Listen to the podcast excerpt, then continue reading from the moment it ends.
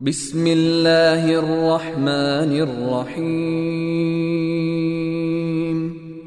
والتين والزيتون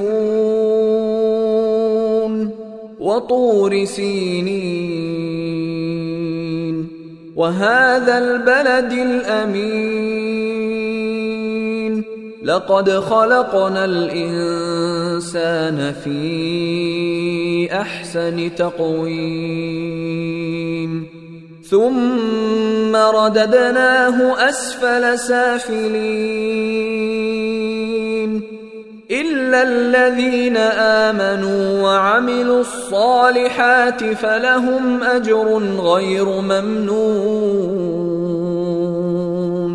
فما يكذبك بعد بالدين